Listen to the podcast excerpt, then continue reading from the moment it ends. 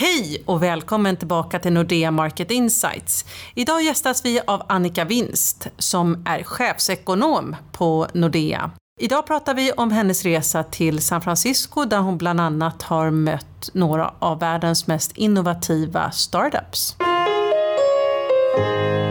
Hej Annika, välkommen tillbaka till podden. Hej. Du har precis återkommit från USA där du bland annat besökt Silicon Valley som anses som epicentrum för världens tech-startupbolag. Och där har vi ju sett några av världens mest innovativa företag som har sett dagens ljus, bland annat Apple.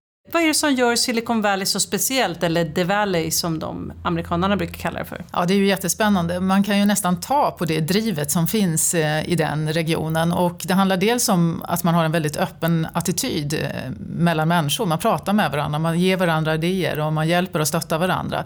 Men det finns också en attityd av att man får misslyckas. Och misslyckas är något man kan lära sig av. Det är bara att kavla upp armarna och börja om igen och prova. Och man har också ett väldigt nära samarbete med universiteten runt omkring det som håller en hög nivå. Och det är ju då viktigt för utvecklingen mellan forskning, utveckling och eh, de här företagen. För man skulle kanske kunna tro att det här med riskkapital är en vinnande faktor om man ska ha möjlighet att misslyckas, att det finns väldigt mycket kapital så att det går att starta och starta och starta. Eller är det helt andra faktorer som påverkar de här enorma innovationslustan? Nej men kapitalet är ju jätteviktigt. Eh, det behöver man när man ska starta nya idéer och tankar så det, det, är centralt. Men också utbudet eh, människor emellan är väldigt viktigt. Och en sak som jag tyckte var intressant är att Tesla har släppt sina patent. Och skälet till det, det är för att man vill eh, öppna upp för att det ska komma in konkurrenter så man kan driva vidare den här utvecklingen. Man är ute efter att hitta en tredje generationsbil där gemene man har råd att köpa en elbil och då behöver man hjälp och stöd av andra och därför så släpper man då patenten. Och där såg vi en liknande affärsidé med Linux. Mm. Men det kanske är det här som kommer, någon form av crowdfunding-utveckling eller något liknande? Ja, jag tror att det behövs många tankar och idéer från många människor för att man ska komma vidare i komplexa frågor. Spännande.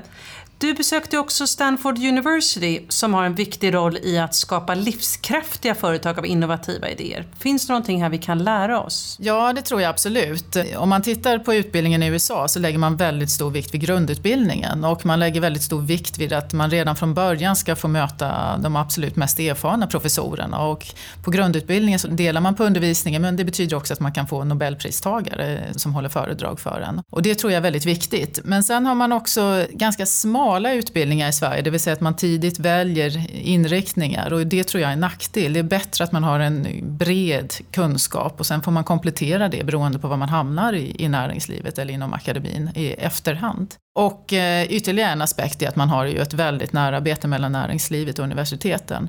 Och det finns ju också i Sverige, men det är oerhört viktigt att hålla i det. Om man tittar på Stockholm så anses det vara världens näst största tech startup community näst efter Silicon Valley. Vad är egentligen skillnaden mellan Stockholm och The Valley när det gäller möjligheter att lyckas? Mm. För det första skulle jag vilja säga att vi ska vara väldigt stolta över hur väl Stockholm har lyckats. Men jag skulle också vilja poängtera att det finns många andra startups i Sverige som också har varit bra för Sverige och svensk ekonomi. Men en skillnad är ju förstås eh, resurserna och det är väl också därför att vi ser att en hel del av de svenska företag som kommer med idéer här, de flyttar också till USA och försöker dra nytta av den. Och jag tror att världen också är mycket mindre idag. Att var man ligger är inte det viktiga för de här utan utan det är att möjligheterna finns för att göra den utveckling man behöver. Och då är det ju allt från regelverk, plattformar till kapitalet och kunskapen förstås. Då. Och i och med att de här är techbaserade så finns det ju egentligen inga skäl att binda sig vid en geografisk plats. Nej, och det gör ju också att de snabbt kan försvinna härifrån om vi inte har en miljö som är attraktiv. För det är väl en av de stora utmaningarna att många sådana här startups och småföretag, att de inte växer. I USA så är ju själva planen att växa och bli megastora medan i Sverige är man ganska nöjd att hålla sig på det lilla formatet. Varför är det så? Ja, det tror jag handlar väldigt mycket om regelverket. Vi har ganska stora trösklar i Sverige för att anställa den första personen och att att växa och vi har inte den historien riktigt utan vi skulle behöva se över regelverket och ge morötter för företag att bli aningen större än vad de är i det minsta skedet och skapa förutsättningar för det.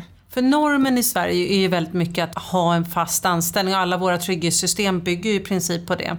Men om man tittar på utvecklingen på arbetsmarknaden, kommer det krävas att vi alla blir entreprenörer? Nej, men många av oss. Och eh, om vi tänker att vi ska gå en framtid till mötes där väldigt mycket mer automatiseras och robotiseras av digitaliseringen så tror jag det är oerhört viktigt att vi lär våra barn att det är jättekul att vara entreprenör och att det också finns möjligheter. Och alla unga som går ut förskolan borde egentligen ha det i huvudet, i mindsetet att jag ska bli egenföretagare. Och också att det är coolt att vilja växa och anställa då.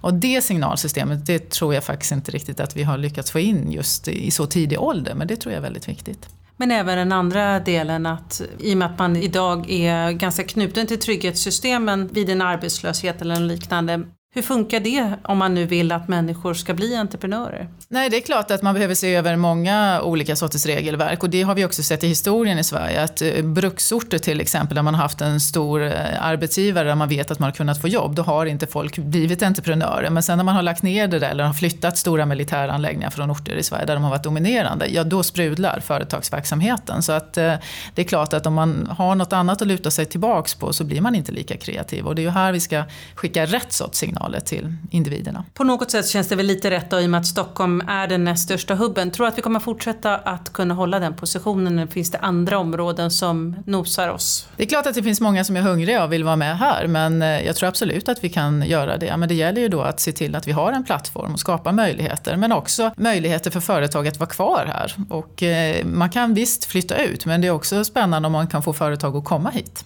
Mm, verkligen. Vi får prata mer om det här i en kommande podd. Tack för att du kom. Tack så mycket. Tack för att ni har lyssnat. Om du vill veta mer så går det bra att gå in på nexus.nordea.com eller prenumerera på något av våra nyhetsbrev som du finner på nordea.se markets. Välkommen tillbaka!